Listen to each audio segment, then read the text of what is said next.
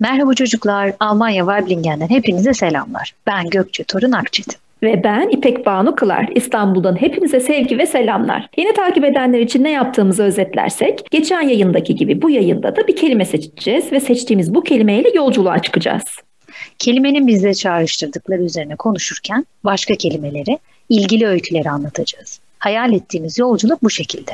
Bu haftanın kelimesi çocuk. İpek sen neler söylemek istersin? Ben de bir zamanlar çocuk olduğum için çocuk deyince bir kavram geliyor aklıma elbette ki. Bir görsel beliriyor gözümün önünde. Ancak bir tanım yaparsak bebeklik çağı ile yetişkinlik çağları arasındaki insanlara çocuk diyoruz. Bilim insanları çocuğun büyümesinin ve gelişmesinin çok büyük bir bölümünün 18 yaşına kadar tamamlandığını söylemişler. Daha doğrusu 18 yaşına kadar devam ettiğini söylemişler. Bu sebeple de Birleşmiş Milletler Çocuk Hakları Sözleşmesi 18 yaşından küçük tüm insanları çocuk olarak kabul etmiş. Bebekleri de mi çocuk saymışlar? Çocukluğun başlangıç anını açık bırakmışlar. Bir yaş belirtmemişler yani. Hemen bu sözleşmeden de bahsedeyim. Çocuk Hakları Sözleşmesi dünya üzerindeki tüm çocukların haklarını savunmak için hazırlanan bir bildirge aslında.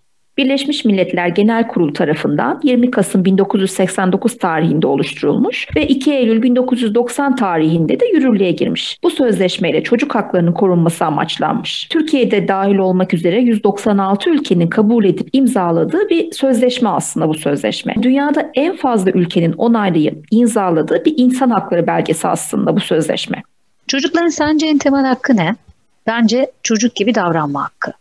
Bunun içinde hiçbir yükümlülüğün altına girmeden yeme içme, barınma, eğitim, saygı ve sevgi gibi ihtiyaçları sorunsuz bir şekilde karşılanarak yaşam sürme. Tüm ihtiyaçları karşılandıktan sonraki en önemli hakları da oyun oynama. E, çocuk deyince benim ilk aklıma gelen oyun oluyor zaten. Senin de söylediğin gibi birçok temel hakkı var. Sözleşmede de bunlarla değinmişler zaten. Barınma hakkı, eğitim hakkı, sevgi, saygı görmek, yemek içme, kendi kararını söyleyebilme, özgürce oyun oynayabilme. Ancak bu hakların içinde en unutulan ya da boş verilen hak oyun oynama hakkı bence. Çünkü her yaşta insan barınmaya, eğitim görmeye, yemek yemeye, sevgi görmeye ihtiyaç duyabilir. Ancak belli bir yaştan sonra oyun oynamayı unuttuğumuz için oyuna ihtiyaç duymuyoruz biz büyükler tabii. Boş iş olarak görüyoruz bunu. Ve çocuğun özellikle de gelişimi için çok önemli bir eylem olan oyun oynama isteğini hep boş veriyoruz. Es geçiyoruz, önemsizleştiriyoruz. Doğru söylüyorsun. En gelişmiş toplumlarda bile çocuğun haklarını savunan sözleşmeler olmasına rağmen günlük hayatın karmaşasında boş verebiliyoruz. Oynasak bile bazen geçiştirebiliyoruz. Aslında günün büyük kısmı çocuk için oyunla geçiyor. Eğer geçmezse tıpkı susuz kalmış gibi oluyor çocuklar. Yani düz duvara tırmanıyor denilen, yaramaz diye tanımlanan çocuklar vardır ya, onlar aslında oyun ihtiyacı karşılanmamış çocuklar. Genelde de gözlemlediğim kadarıyla çocukların tek başlarına oynaması gerektiği hakkında bir yargı var. Aslında oyunun özü en az iki kişi gerektiriyor. Ve oyun oynamak için çok da fazla bir şeye ihtiyacınız yok. Her şeyi oyunlaştırabilirsiniz. Peter Bruegel adında bir ressam var. Bu 1500'lü yıllarda yaşamış Hollandalı bir ressam. Belki bilirsin. Onun bir yağlı boya tablosu var. Tablosunun ismi Çocuk Oyunları. Merak edenler Google arama motoruna çocuk oyunları resmi ya da çocuk oyunları tablosu diye yazarlarsa tabloyu görebilirler. Ressamın ismini yazmakta zorlanabilirler diye böyle bir öneride bulundum bu arada. Bir dakika hemen bakıyorum. Daha önce hiç duymamıştım. Yazıyorum.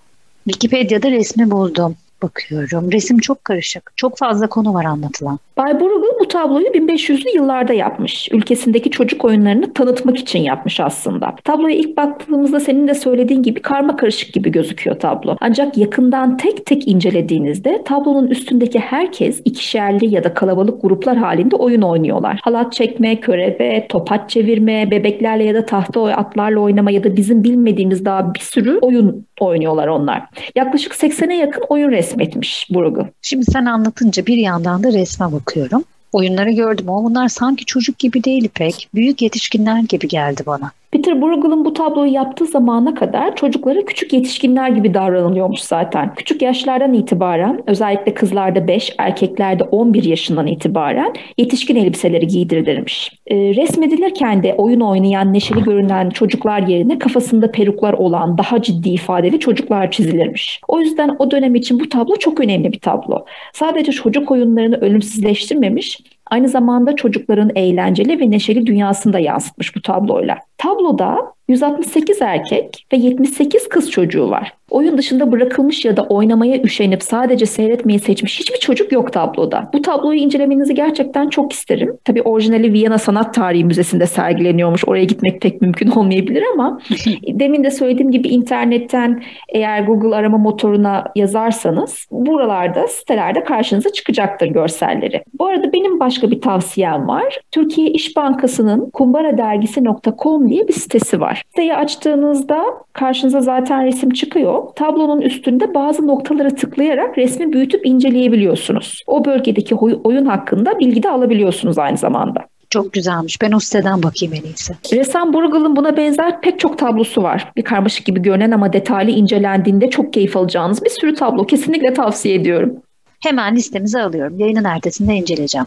Bu açıdan hiç düşünmemiştim açıkçası. Çocuklara atfedilmiş başka sanat eserleri var mı acaba? Ayrıca bakmak istiyorum. Ben bu resmi görünce Almanya'da okuma yazma bilmeyen çocuklar için yapılmış Wimmelbuchlar geldi aklıma. Bu Almanca kitap demek. Wimmelbuchlar içinde aynı bu resimdeki gibi minik minik bir sürü küçük resmi içeren hikayelerin içinde hikayelerin yer aldığı bir kitap türü. Okuma yazma bilmenize gerek yok bu kitabı okumanız için. Çocukların bakarken çok sevdiği birden fazla konunun resmini tıpkı bir dünyayı izler gibi gösterildiği kitaplar bunlar. İlk defa Wimmelbuch 40 yıl önce Alman sanatçı Ali Mitkuş tarafından resmedilmiş. Alman gravürcülerin eserlerinden ilham almış. Hikayenin kelimelerle değil, birçok çizimle de anlatılabileceğini fark etmiş. Bu resimlere bakıldığında herkes onları kendi yorumuyla yorumlayabiliyor. Tıpkı çocuk oyunları tablosu içinde bir sürü sürpriz ve hikaye barındırıyor.